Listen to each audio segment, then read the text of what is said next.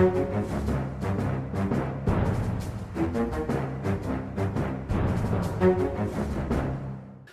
velkommen til Aftenpodden. Jeg er politisk journalist Lars Glomnes. Med meg har jeg Trine Eilertsen, politisk redaktør, og Sara Sørheim, kulturredaktør.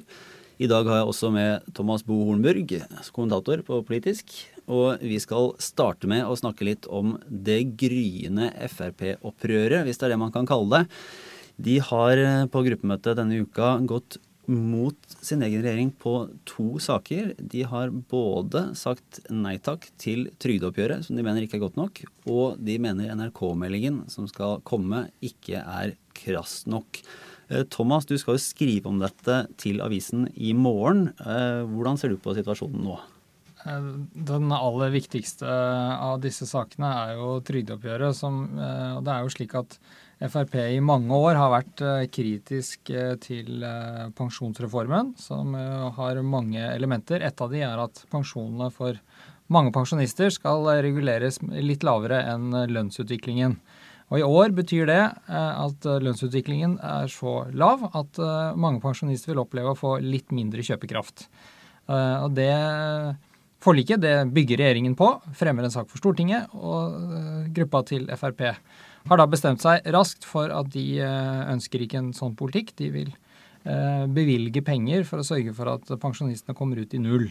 Og Det er ikke lite penger det er snakk om her heller. Det er ca. 300 millioner kroner, og det skal gjøres på noen uker. Mm. Og eh, Jeg fikk jo ut noen av disse dokumentene fra dette gruppemøtet i går, og der slås det jo fast at dette er noe de kan bruke for å argumentere mot de andre partene i pensjonsforliket. At, eh, at, Frp kan markere seg på dette. Og det slås også fast at de i stor grad regner med at de ikke vil få gjennomslag for å gjøre de endringene i år som vil, vil rette opp situasjonen. Eh, det tyder jo på at det i stor grad er et slags politisk spill. Ja, og det er vel sånn at altså Dette er jo noe vi har sett fra Frp tidligere. Og jeg tror mange av oss har tenkt at det øh, var kanskje å vente av et parti som et fløyparti som var nye i regjering, men mer og mer så ser det ut som en eh, arbeidsform hvor de eh, ikke bare rir eh, to hester, en på Stortinget og en i regjering, men hvor de i tillegg har en slags tredje hest, som er partilederen, som forsøker å, å tale med to tunger og forene Stortinget og, og regjering. Og, og, på den måten så, så henvender de seg både til de velgerne som vil vite hva Frp egentlig mener, og så får de være et regjeringsparti som, som er en del av eh, den helheten en regjering er. Hva, kan, eh, hva, gjør dette med forholdet til Høyre, for de er jo ikke med på altså De står jo bak pensjonsforliket og trygdeoppgjøret. Hvordan, tar, hvordan takler de dette her nå? Nei, det eh, kom fra Stortinget nå. Det er jo ingen tvil om at man i Høyre syns at dette er kjedelig. Og jeg skjønner hvorfor. fordi det er jo litt som at Frp stikker av fra regninga.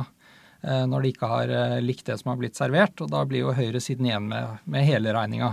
Eh, og det liker de dårlig.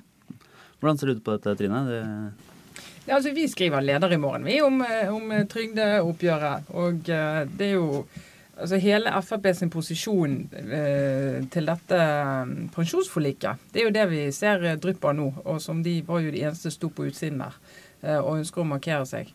Eh, med å være pensjonistenes varme tals, eh, talsparti. Um, og det er, altså For de er det en kjernesak at pensjonistene, pensjonistene ikke skal tape på noen omlegginger. For Da ser de pensjonistene som én gruppe. Men så vet vi jo det at i alle disse tallene her, både for pensjonistene og for alle oss andre når det er gjennomsnittstall, så betyr det at noen taper og noen vinner, og i snitt så er det en, en trend. da. Så det er veldig vanskelig å treffe riktig med en sånn hva skal jeg si, ekstraregning som de har lyst til å gi til uh, pensjonistene. Uh, og Erna Solberg sier jo også det. Akkurat nå ser det ut for at dette utgjør uh, et tap på 47 kroner i måneden. Eh, men det er først når vi kommer til jul at vi ser hvor stor eh, tapet har vært eh, året sett under ett. Så jeg anser det som helt uaktuelt at statsministeren går med på å justere dette nå. Men er ikke det da å bygge opp til et tap for Frp? Det, blir det et nobelt nederlag? Ja. De håper det blir nobelt, og det blir ganske sikkert et nederlag. Fordi det vil eh, Jeg eh, har veldig vanskeligheter for å se for meg at man kan nå frem når det gjelder å justere årets oppgjør. Det beste de kan håpe på, er at man eh, endrer reglene for fremtidige oppgjør. Jeg har liten tro på det også, men, men det engasjementet som førte til dette vedtaket i gruppemøtet i Frp i går, det handler jo om årets oppgjør. Det jeg tror de reelt sett primært kan håpe på, er å markere at de er uenig i det som da er Frp-Høyre-regjeringens foreslåtte politikk. Altså ren symbolpolitikk. Ja. Og det er det som er utrolig eh, Det er vel en fellesnevner også mellom denne saken og den andre som eh, går på NRK-meldingen. Som er eh, mindre økonomisk sett, men symbolmessig også veldig veldig viktig for Frp. Nemlig NRK-lisensen. Og de var ganske tydelige på at med Frp i regjering så skulle du aldri mer betale lisens. I hvert fall var det flere i partiet som var innom sånne formuleringer før valget. Eh, nå viser det seg at det er helt umulig å få politisk gjennomslag i Norge for å kutte, eh, altså for å fjerne lisensen. Og for å stramme inn drastisk på NRK. Eh, og eh, det som visstnok eh, har skjedd på gruppemøtet i går, er at Frp har sagt at de ikke vil godta den NRK-plakaten som statsråden eh, Toril Vidvei altså eh, nå har tenkt å legge frem. det er også en tapt sak for Frp, men det er en veldig viktig symbolsak. Så tror jeg et ubesvart spørsmål så langt, det er om eh, regjerings-Frp er med på notene. For jeg tror én ting for Høyre, det er hvis eh, stortingsgruppa til Frp ikke lar seg tøyle helt. Det, det, tror jeg de har lært å leve sånn noenlunde med. Det er mye verre hvis eh, Siv Jensen og Robert Eriksson, eh, så å si i regjering eh, eller man fremmer en sak fra regjering vel vitende og godt innforstått med at Frp vil torpedere dette så fort det kommer til Stortinget. Det var altså, eh, etter hva vi skjønner, et enstemmig gruppemøte i går. Eh, jeg møtte Robert Eriksson, arbeidsministeren i Stortinget nå, som ikke ville svare på om han visste eh, om at dette forslaget kom. Han var på deler av dette gruppemøtet. Jeg tror det er verre for Høyre hvis det er sånn at også regjerings-Frp så å si, er med på og lar Høyre sitte med hele regninga. Ja, det, det, det, det, gjør jo et regjeringssamarbeid utrolig vanskelig. De har jo en mindretallsregjering som har sitt parlamentariske grunnlag først og fremst i gruppen til Høyre og gruppen til Frp. Det er der de i hvert fall skal vite at de har støtte. Og Hvis de begynner å merke oftere at, at den ene gruppen, ene delen av det parlamentariske grunnlaget, ikke er med, og så må de begynne å snakke med de andre partiene, det svekker regjeringen dramatisk. Jeg syns også det, det, roter jo til debatten, for vi vet jo ikke helt eh, Når vi refererer til Frp, så må vi da minst referere til to eller tre ulike posisjoner. Eh, I tillegg så syns jeg jo det er en slags tilsnikelse. Fordi en del av maktens pris, regjeringsmaktens pris, er at du må forsvare en del politikk du er imot. Du må forsvare en helhet som har noen konsekvenser som smerter. F.eks. at noen pensjonister da får litt lavere kjøpekraft noen år. Og Det Frp gjør i denne saken, som jeg syns de også har gjort i noen andre saker, er å forsøke å eh, høste fordelene ved å sitte i regjering uten også å ta med seg ulempene. Det blir vel eh, interessant å følge dette framover, og det lå vel an til å kunne bli en ny strategi, eller i hvert fall ble, ble banka fast på landsmøtet som en gyldig strategi. Så vi får, får, følge det videre. og Så får vi takke deg, Thomas, for at du tok turen innom. Eh, så får du fortsette å skrive, så kan det leses dine fullførte tanker om dette i avisen etter hvert, og på nett. Snart har Frp et helt eget Det er nok hester til å ha et eget hesteveddeløp. Det kan i hvert fall bli underholdende for oss, og det blir veldig slitsomt for statsministeren. Da går jeg for å vurdere hesteoddsene. Nettopp. Takk, takk. Og mens vi har snakket om Fremskrittspartiet, så har det kommet inn en fersk rapport fra Riksrevisjonen som tilsynelatende fullstendig slakter arbeidet bl.a. Justisdepartementet har gjort med beredskapen i Norge. Og det er jo eh, oppgave nummer én for eh, Anundsen og Erna Solberg etter 22.07-terroren. Hva kan dette bety, Trine? Nei, altså, Dette er kanskje det området der eh, både statsministeren og justisministeren har lovet mest. Det skulle i løpet av relativt kort tid bli eh, mye tryggere å bo i Norge. Vi hadde i Stanghella og Eilertsen to mot én, den lille TV-sendingen vår, hadde vi Anundsen i går som gjest. Og da spurte jeg han om nettopp det. Hvis det går av en bombe i Oslo i morgen, kan du garantere oss at det som skjer da, kommer til å være mye bedre og vise oss et mye tryggere samfunn enn det som skjedde 22.07.2011? Og det mente han at de langt på vei kunne. Det sier Riksrevisjonen at det kan de ikke. Og det er også riksrevisor Per Christian Foss, eh, interessant nok, den tidligere Høyre-politikeren som nå leder Riksrevisjonen, han sier eh, i dag at dette er den krasseste kritikken de har kommet med mot et departement. Eh, og det gjelder da kritikken mot justis i forhold til beredskap. Det tenker jeg eh, umiddelbart at må være et mye hardere slag mot Anundsen enn flere av de andre sakene vi har sett i det siste hvor han har fått kritikk. Fordi det går så rett i kjernen på det han har satt her for å gjøre, nemlig å øke eh, beredskapen. Vi kan jo nesten ikke gå en uke her på Aftenposten uten å måtte ta opp Anundsens uh, posisjon. Vi hadde jo egentlig tenkt å, å, legge den til side denne uka, og så kommer, kommer denne dommen. Mm. Og hvor mye, hvor mye, speiler dette på enkeltstatsråden, og hvor mye på regjeringen som helhet og, og tidligere regjeringer? Ja, altså, nå har jeg bare skannet litt det som står om det. og En del av kritikken handler jo om departementet sin kommunikasjon med underliggende etater. Eh, der etatene sier at kommunikasjonen er dårlig. Eh, mens departementet sier at den er god. Og som Foss sier, det er et tegn på at den ikke er god. Eh, og da kan det synes som, og Dette er statsråd Anundsens ansvar, at hans departement fungerer og at de har en god kommunikasjon med etatene. Så hvis vi nå, Jeg går ut fra at oppfølgingen av denne rapporten blir å gå mer i detalj, akkurat på hva kritikken handler om. Men jeg tror for Erna Solberg sin del å ha en justisminister som blir slaktet på arbeidet med beredskap, hvis vi legger det på toppen av alt vi har hatt i vinter, blir veldig veldig rart hvis han sitter ut perioden. Men det er litt av en dag for uh, vår statsminister. altså uh, Frp som vender seg mot sin egen regjering på Stortinget nå i to veldig viktige saker, og uh, Riksrevisjonen som tar hennes statsråd så hardt. Dette er trøbbel i statsministerboligen. Og Mange trodde vel at, at stormen var over for Anundsen etter de rundene som har vært, og etter at uh, mistillitsdebatten i Stortinget hadde, voteringen var unnagjort, så var det muligheten til å starte litt på nytt. Nå er det en uh, ny storm som virkelig blåser opp. Ja, det er jo det, er jo det departementet, kanskje det departementet som, som, har flest saker. Det er et veldig veldig krevende departement å lede. Det må det ikke være tvil om. Uh, og nå skulle han dra politireformen i havn, som er hans store prosjekt i denne perioden. Og så kommer denne kritikken inn fra siden som vil måtte bli den store debatten om Anundsen, om regjeringens gjennomføringskraft, som jo er et ord vi husker veldig godt fra valgkampen i 2013, og da var det Erna Solberg som brukte det. Eh, sånn at hvordan Måten de svarer på denne kritikken på, og alvoret de ser i den, det tror jeg alle kommer til å følge utrolig godt med på. Mm. Og dette blir jo eh, en sak som kommer til å vare lenge. Eh, dette går ikke over med det første. Så eh, vi kommer til å skrive om FrPs mange hester. Men vi kan nok være at noen av våre kommentatorer også kommer til å skrive om dette når vi går ut av studio, eller hva tror du, Trine? Jo, jeg så, så redaksjonssjef Peter Markowski har sendt meg en SMS mens vi sitter her og etterlyste, så vi får se. Vi kan jo gå mer, vi finner vel mer ut av dette etter hvert og kommer helt sikkert til å følge det. Eh, noe annet som har vært mer av en slags eh, snak, snakkis og føljetong denne uka, er jo Hadia Tajik Gate. Eh, og hvordan hun til slutt eh, fant det nødvendig å svare. Hele rabalderet starta med at en, en, skribent, en tidligere ansatt i Human Rights Service, denne tenketanken, skrev et innlegg som eh, forlangte svar fra Tajik om hennes holdning til tvangsekteskap og arrangerte ekteskap.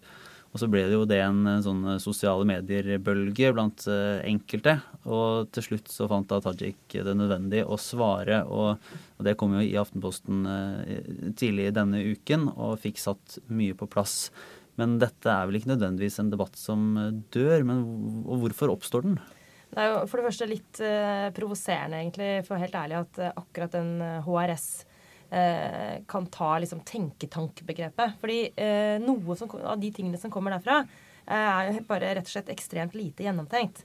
Eh, og det innlegget som gikk rett inn i Hadia Tajik sitt privatliv, eh, var så full av anklager som er helt ubegrunna. Eh, sånn at det opplevdes som en, et innlegg som egentlig ikke tok debatten noe sted.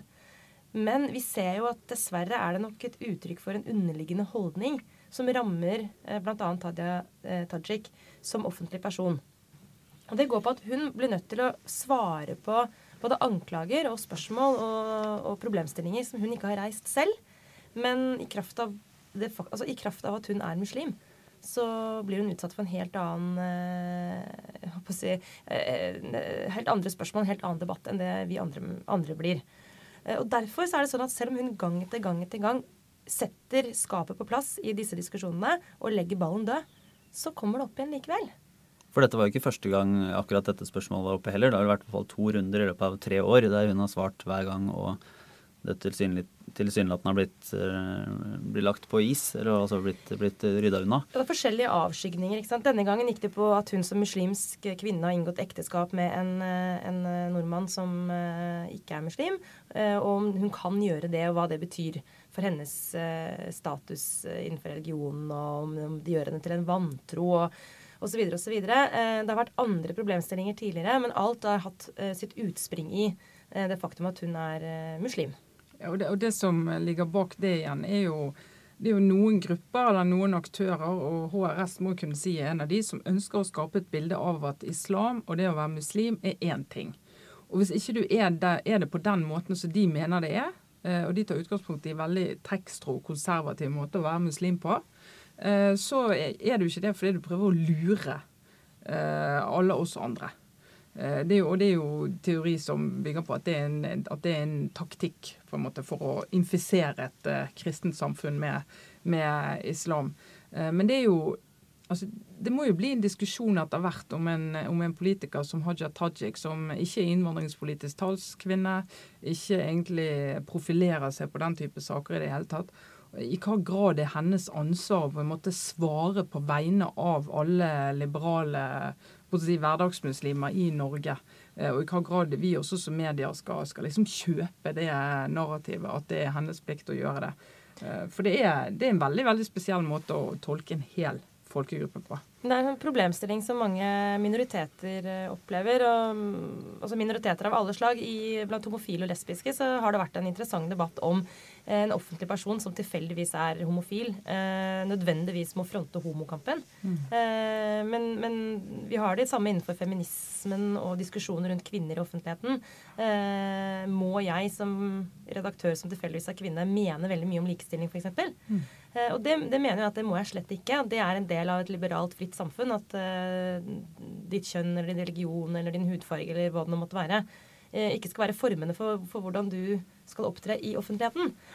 Og på et vis så er, er, vi jo der. Men så blir vi stadig minnet om, da, og det, dette er denne saken rundt uh, Tajik nå et eksempel på, at uh, vips, så var vi ikke der i det hele tatt. Og at det er ganske sterke strømninger i samfunnet som, uh, som uh, f.eks. ikke klarer å forholde seg til at en uh, kvinnelig politiker som tilfeldigvis er muslim, at det ikke trenger å være et tema overhodet for henne.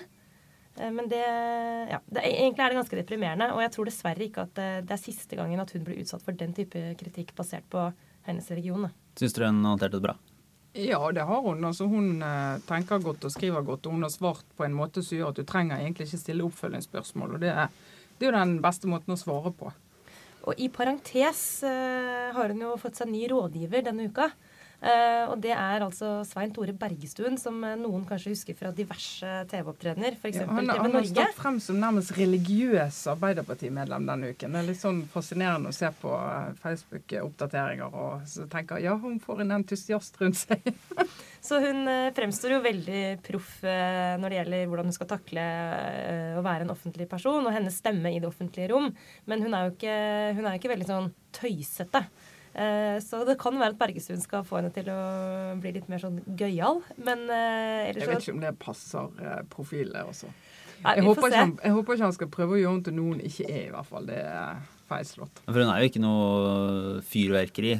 Altså, det, er jo, det, er jo, det, er jo, ikke de utpregede andre grunner til å tenke at hun skal være så kontroversiell eh, enn det som en, dennes bakgrunn. da. Nei, hun er jo mer sånn ryddig og ja innenfor trygge rammer hele tiden. En veldig ikke... skikkelig politiker på alle måter. Ja da. Men det er for også ganske gøyalt å se at uh, nå har det kanskje begynt, det som skjer uh, i god tid før et uh, valg. Nemlig at visse mennesker beveger seg plutselig fra litt sånn profilerte oppgaver andre steder over i politikken. Ja. og nå får vi bare se, da, kjære lyttere, om dette stemmer. Men jeg har også merket meg så langt at Jan Erik Larsen, som var partner, partner i First House, gammel Arbeiderpartipolitiker og statssekretær i mange år, han slutta jo First House i vinter. Uh, og da kan vi jo spekulere om det er for å gjøre seg litt sånn eh, Lekker for lekker. Jonas og et mulig regjeringsskifte i 2017. Ikke ja. sant? Og nå noterer jeg meg Bergestuen som går over til Arbeiderpartiet. og Bare følg med nå. Eh, det er et typisk tegn på at noen der ute tror på regjeringsskifte. Regjering, ja. mm. Det var jo, Vi kan jo forlate den. Det var jo fint at du nevnte det med at, at, at kvinner forlanges måte, å kommentere kvinnesak og, og, likestilling og alle de tingene. For det neste vi egentlig tenkte å snakke litt om, var jo dette med en annen debatt som har dratt opp denne uken, med eh, altså mangelen på kvinnelige toppledere i Norge. Og det har vel nå blitt ansatt eh, toppsjefer i både Statoil og Telenor, to store og delvis statseide selskaper. Eh, og da fant de to menn igjen. Eh, og Monica Mæland, næringsminister, har da gått ut og sagt at hun er villig til å sparke styrer som ikke klarer å få dreisen på dette her. For det er altfor få kvinner eh, som leder store norske selskaper. Uh, og det er jo en interessant debatt, disse virkemidlene. Da kunne jeg selvfølgelig påberopt meg friheten til å si jeg bryr meg ikke om dette i det hele tatt. Uh, og har ikke tenkt å si noe som helst om det i offentligheten. Uh, men heldigvis er det helt feil. For dette Tilfeldigvis bryr jeg meg veldig om dette. og det burde man egentlig gjøre. Det er et veldig skeivt tall. Det kommer man ikke unna. Ja, det er et skeivt tall, men det er bare det at virkemidlet er, er altså det er veldig sånn overfladiske virkemidler. Altså det, det, som skjedde for uh, en del år siden, var jo at vi fikk uh, vedtatt en lov om uh, kvotering i styrene. Skal ha 40% kvinner i ASA-styrene. Uh, og det ble gjennomført. og det ble litt sånn, ja, uh, da, da, er jo mye gjort. og sitter, Da var jo tanken at disse kvinnene skal sitte i disse styrene. Og når vi da skal diskutere hvem som skal bli direktør i et selskap, så skal de si nå må vi huske kvinnelige kandidater også. Uh, og vurdere de like alvorlig som vi gjør de mannlige kandidatene. Og det, det kan godt hende de gjør. og det håper jeg de gjør. Jeg tror faktisk ganske mange av menn i de styrene gjør det også. Eh, for så langt er vi kommet. Men det er jo ikke der slaget står. Slaget står jo lenge før folk kommer opp i en posisjon der de blir vurdert til uh, Norges uh, viktigste og tøffeste lederjobber. Mm. Det begynner helt i, i ansettelsesøyeblikket. Hvordan er profilen på de ansatte når du begynner? Hvor mange kvinner hvor mange menn er det? Hva oppgaver får de kvinnene? Hvordan jobber du med systematisk lederutvikling? Hvordan bygger du en karriere for kvinner? Hvordan sørger du for at de ikke bare holder på med HR og stab og økonomi og sånne myke ting som gjør at du ikke kan bli toppdirektør i f.eks. Statoil? Eller Skipsted, for den saks skyld. Skipsted, for den saks skyld. Altså, du kan ikke, hvis du har vært HR-sjef i, i, i eh, VG, så blir du aldri konsernsjef i Skipsted. Sånn er det. Du er nødt til å ha jobbet innenfor en del av de kjernevirksomhetene som er virkelig det som eh, eh, butikken handler om, når du kommer opp der. Og det vi ser er at mange kvinner de, de kommer, de, Når de er på det høyeste nivået, så er det ikke de oppgavene de har. Så det er ikke så mange å ta av så mange liker å tro at det er. Eh, og det, er heller, og det er også eksempler på helt sikkert på at kvinner blir forbigått. Og vi vet i Telenor og Statoil og Yara, som snart også kommer og skal få ny sjef, eh, så er det kvinner i konsernledelsen der som har operativ erfaring, og som kan være aktuell. Men vi kan ikke vite hva andre eh, erfaringer de har, og hva andre kvaliteter de har, og hvem de konkurrerer mot. Så det er litt sånn lettvint å si det at hvis de ikke får dette til, så skal vi kaste de styrene. Dette, dette er en kjempesvær fortelling om hvordan folk organiserer seg hjemme, hvordan talentutviklingen er. altså Jeg nevner i fleng. Ja, Og at det er et ansvar som eh, ligger på flere ledere i en bedrift og en organisasjon enn topplederen og styret. Og For å ta det litt sånn hjem og litt sånn konkret, så kan det bety eh, noe så enkelt, men likevel vanskelig som at eh, Skipsted, vårt selv, som er selskapet som eier Aftenposten, der er det veldig mange menn i konsernledelsen. Eh, og kanskje starter endringen der med at eh, vi som er redaktører i Aftenposten, leiter etter eh, kvinner som kan få lederroller i redaksjonen, f.eks. For, eksempel. for å tenke 10-15 år frem i tid. Eh, at det kan være en mulig toppleder. Og det er på en måte den det tidsspennet vi snakker altså Den store kulturendringen det må være på så mange nivåer. At det blir for enkelt å si at eh, hvis bare styrelederen skjerper seg, så skal dette her eh, gå seg til. Likevel, Toril Lydvei gikk jo foran og viste hvordan det kan gjøres da hun eh, skifta ut hele styret i Norsk Tipping. altså, det satt en viss presedens på hva som er ja, mulig hvis, å gjøre. Hvis de gjør det med et børsnotert selskap, det skal jeg like å se. Da blir det full fire i teltet. Men vi så jo at Dagens Næringsliv hadde da en fin oversikt over hvordan Eh, regjeringen sjøl greier å, å, løfte frem kvinner i sentrale posisjoner. Og det var jo et, eh, et eh, sørgelig bilde hvis vi skal bruke målestokken ca. 50-50, eller i hvert fall 40-60. da. Ja, Tallene der var jo at av 63 statssekretærer og politiske rådgivere, så var det 19 kvinner. og det er jo langt fra 50-50 og betydelig dårligere enn det Jens Stoltenberg og hans regjering hadde. Ja, ja både òg. De også fikk jo voldsomt mye kritikk for en del av de problemstillingene. I hvert fall uh, i den, uh, den første regjeringen sin. Ja, de, nærme, de, var i hvert fall betydelig nærmere 50-50 etter hvert enn det, enn det Solberg-regjeringen er nå. Ja. Og Solberg har jo også sagt at dette er et mål og, og noe hun vil jobbe med, men fra 2013 og til i dag så har det tydeligvis ikke gått an å jobbe så mye med. Med det. men det, er interessant. Det, er litt, det, krever litt overskudd, faktisk, eh, å jobbe med strukturer som dette her. Eh, det er litt sånn at du må bestemme deg, og du må sette av tid, og du må jobbe systematisk eh, for å, å skape endringer eh, andre steder enn bare på toppen. sant? Jeg har en følelse av at det er en typisk prosjekt som kanskje ikke regjeringssjefen har, har tid til å drive med nå.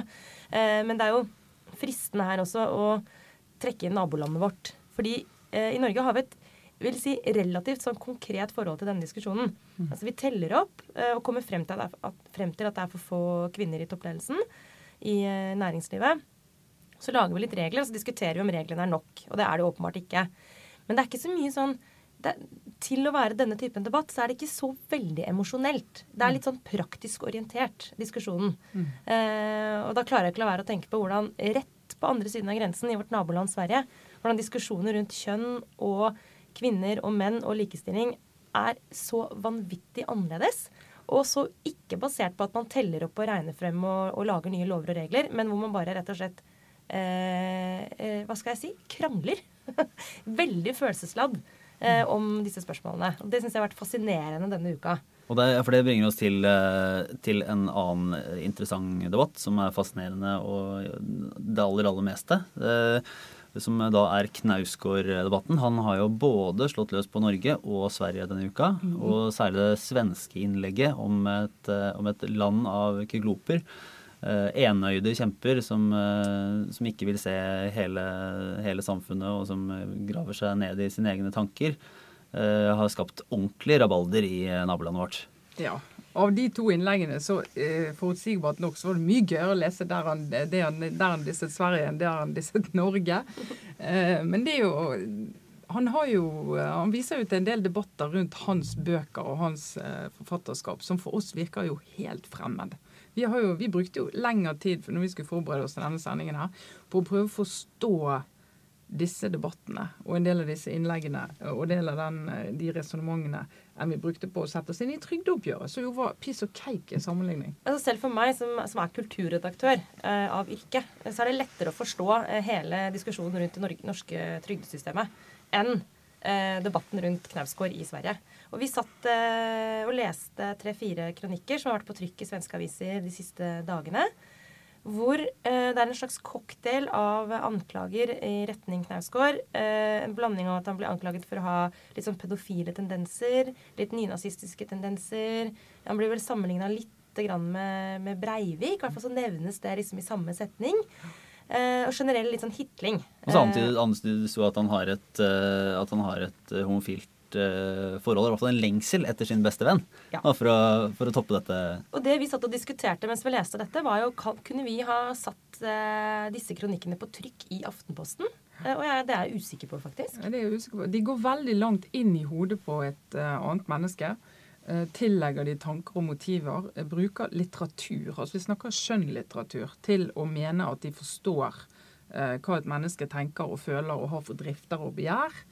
Uh, og denne koblingen til, uh, til, politikken og til de høyreekstreme kreftene i Europa. og så Knausgård blir sett på som et av mange symptomer på at debatten er blitt uh, mer og mer høyreekstremistisk. Blir satt liksom inn i, i kategori med at den svenske Dagsrevyen viser innslag fra små bygder som har problemer med integrering.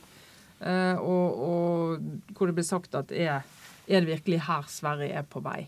og det er ganske sterkt å lese for for oss som ikke kjenner debattklimaet mer enn å omtale. altså. Og Knausgård mener jo da at, eh, at debattklimaet er altfor snevert, og at kunstnere må oppfordres til og tillates å komme med innlegg i den løpende debatten og være politiske.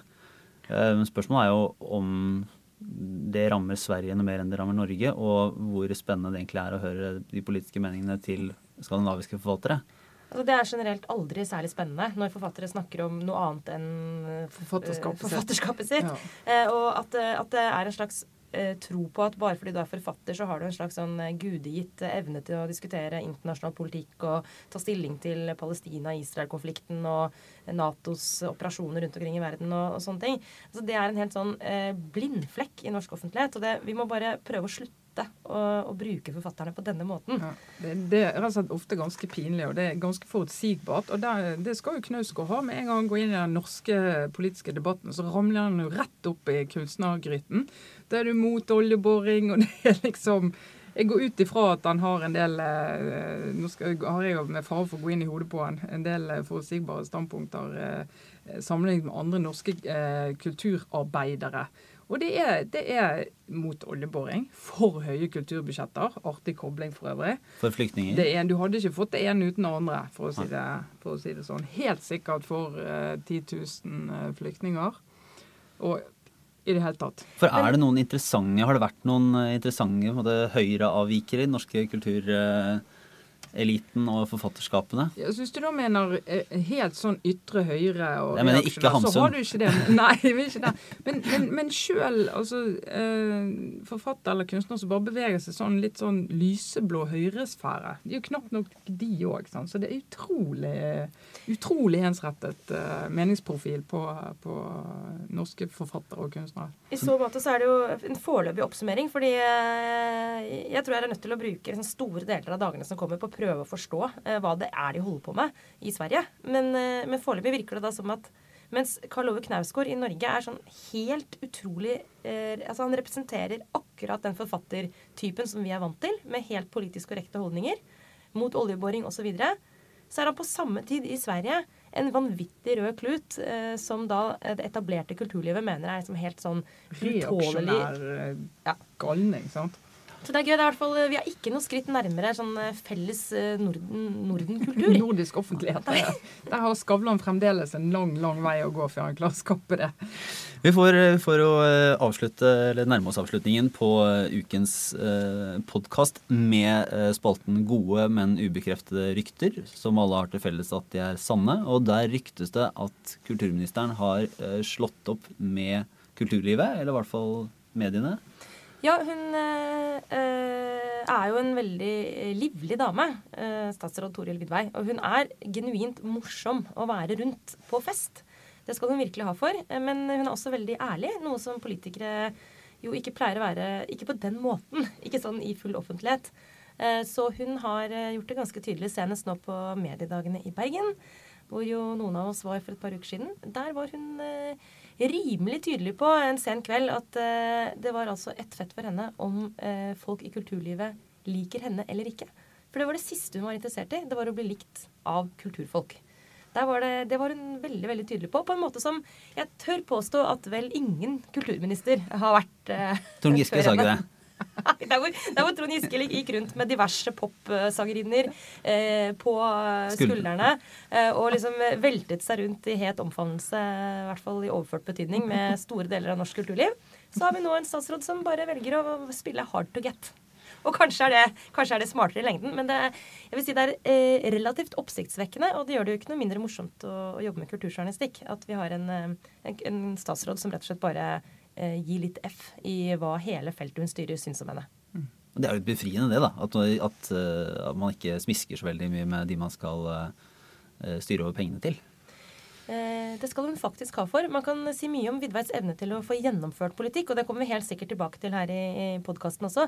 Men evnen hennes til å friske opp og, og, gjøre en helt vanlig bransjekveld litt mer uforutsigbar, den skal ingen ta fra henne. Det høres bra ut. Og da takker vi for denne uken i Aftenpodden. Jeg er Lars Glomnes. Med meg så hadde jeg Trine Eilertsen og Sara Sørheim. Takk for oss.